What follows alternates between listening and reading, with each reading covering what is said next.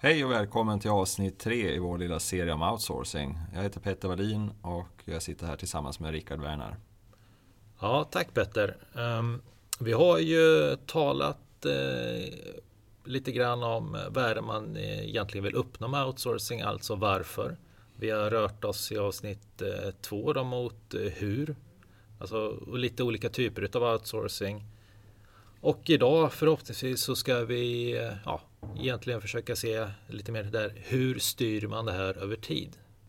Det stämmer bra det. Vi har gått igenom sourcingstruktur eller arkitektur, alltså en karta över de resurser som skapar IT-värdekedjan. Vi har pratat om IT-verksamhetsmodellen, det vill säga definierade processer för själva IT-leveransen. Det som ska hantera det som finns i sourcing-arkitekturen. Och kommer idag prata en del om dynamiska nyckeltal, alltså sätt att styra en relation över tid. Ja, traditionell outsourcing präglas till stor del av eh, transaktioner och eh, tekniska specifikationer. Det här är något som eh, styrs med SLA-bonusar och viten. Vilket egentligen innebär att man, eh, ja, man får bonus av att eh, uppfylla det man borde från början. Och viterna i sig egentligen är eh, för svaga för att ha någon riktig påverkan. Så du Petter, hur eh, styr man egentligen det här på något vettigt sätt? Precis. För att styra en relation över tid så behövs det nyckeltal för att eh, skapa en bättre samverkan. Alltså samverkan är det, det bärande när det är flera som deltar i en IT-leverans. Och det är viktigt att sätta upp nyckeltal som faktiskt passar till det här. Och SLA-bonusar och, och viten har verkligen inte levererat den tänkta nyttan. Ja, om nu SLA-bonusar och viten inte är något bra, vad, eh, vad, vad finns det då kvar? Vad, vad finns det att använda sig av? Då finns det dynamiska nyckeltal att ta till. Och det är nyckeltal för att eh, peka ut riktningen i en lång affärsrelation. Alltså de ska tåla en lång avtalsperiod. Och de innebär att sätta upp transparenta effektmål med ömsesidigt ansvarstagande. Alltså det är viktigt för både kund och leverantör att acceptera spelreglerna för de här nyckeltalen. Om man tittar i sourcing-arkitekturen, om den innefattar flera tekniska partners, vid multisourcing till exempel, så kommer de leverera olika IT-tjänster. Och då måste samtliga leverantörer engageras i uppfyllandet av kundens långsiktiga strategi och se sin del i förverkligandet av den. Och att introducera dynamiska nyckeltal kräver följande förutsättningar. Att mätningar måste ske kontinuerligt och vara relevanta genom hela avtalsperioden att mätmetod och konsekvenser måste accepteras av samtliga parter som deltar i att leverera IT. Att effekt över tid måste kunna mätas mot relevanta referenser, antingen en baseline hos dig som kund eller leverantör eller mot en benchmark. Och att de önskvärda effekterna måste vara förankrade i kundens långsiktiga strategi. Ja, okej. Okay. Men de här dynamiska nyckeltalen, vad, ehm, vad är de inom för områden? Alltså vad, vad finns det för dynamiska nyckeltal? Det finns flera kategorier av dynamiska nyckeltal. Det är viktigt att förstå att de hela tiden bildar en helhet eh, för att skapa den här IT-styrningen. Det vill säga att man vill i slutändan uppnå kundens långsiktiga strategi, att den uppfylls. En kategori kan vara prissättning.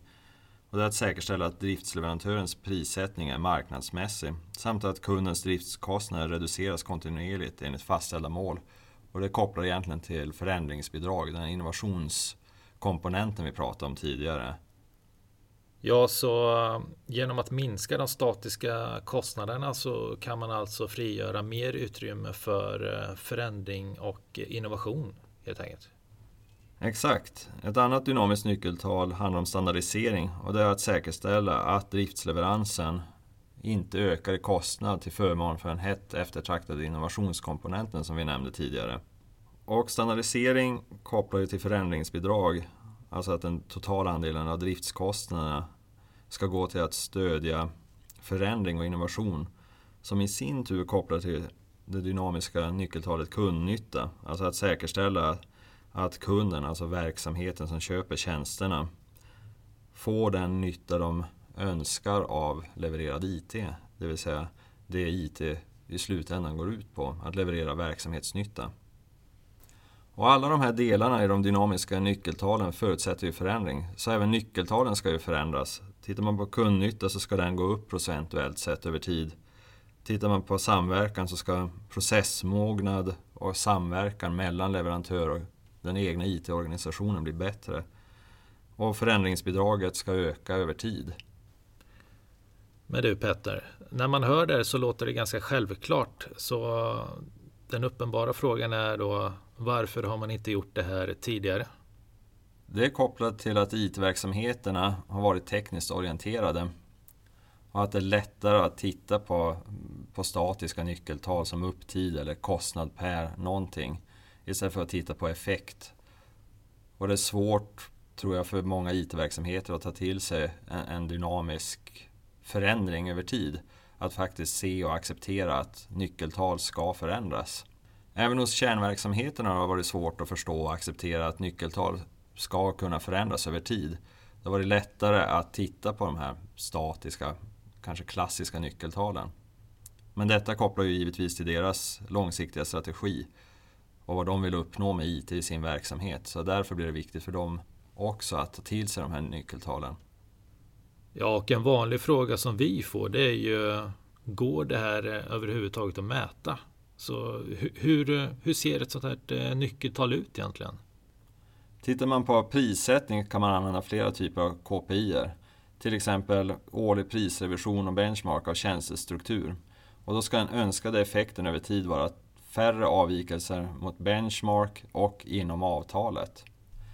Tittar man på standardisering å andra sidan så kan man ha ett KPI som kopplar till antal prissatta tjänster och den önskade effekten över tid ska vara färre antal tjänster. Och en tredje kategori nyckeltal kan koppla till kundnöjdhet där ett KPI kan innehålla medarbetarindex, det vill säga hur nöjd är verksamheten med IT-leveransen. Och då ska den önskade effekten visa på en högre tillfredsställelse, alltså ett nyckeltal som förändras över tid. Och tittar man till sist på förändringsbidrag så kan man gå igenom fördelning i fakturering, drift, optimering, förändring. Där då förändringsbidraget ska öka över tid, det vill säga skapa en gynnsam affär för både kund och leverantör. Kunden får mer innovativa lösningar och leverantören känner att den bidrar till kundens verksamhet och dess strategi. Man får helt enkelt eh, mer en affärspartner än en teknisk eh, partner.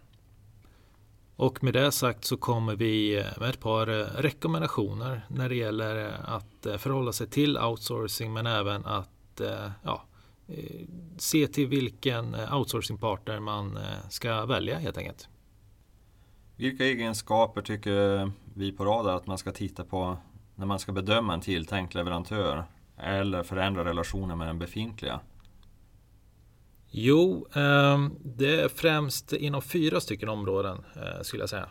Vi har eh, inom IT-leverans, IT-verksamhetsmodell, styrning, alltså governance och sen eh, till sist samarbete och kompetens. När det gäller IT-leverans så ja, rekommenderar vi att man tittar på mer värdebaserad prissättning istället för att man kanske prissätter i enheter. Man har tjänstelösningar istället för applikationslösningar.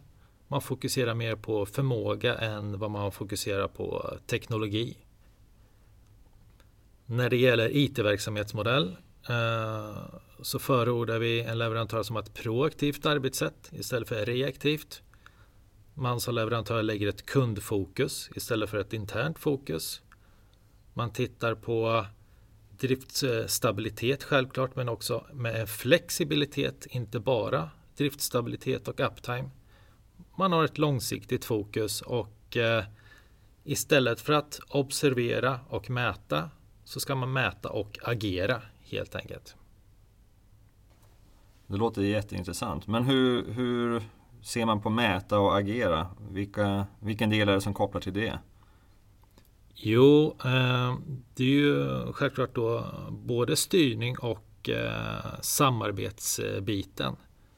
Och när det gäller till eh, samarbete och kompetens så ska man ju försöka välja en, en partner helt enkelt som är verksamhetscentrisk istället för IT-centrisk. Kanske lösningsorienterad istället för att fokusera på antal resurser. Och sen så kanske att man ja, helt enkelt organiseras i virtuella team som består av både leverantören och det interna. Så det vi söker mycket är öppenhet, transparens och eh, någon form av gemensamt ansvar. Och med det tackar vi för oss. Det här var sista avsnittet av tre i ämnet outsourcing. Tack från Peter Wallin och Rickard Werner.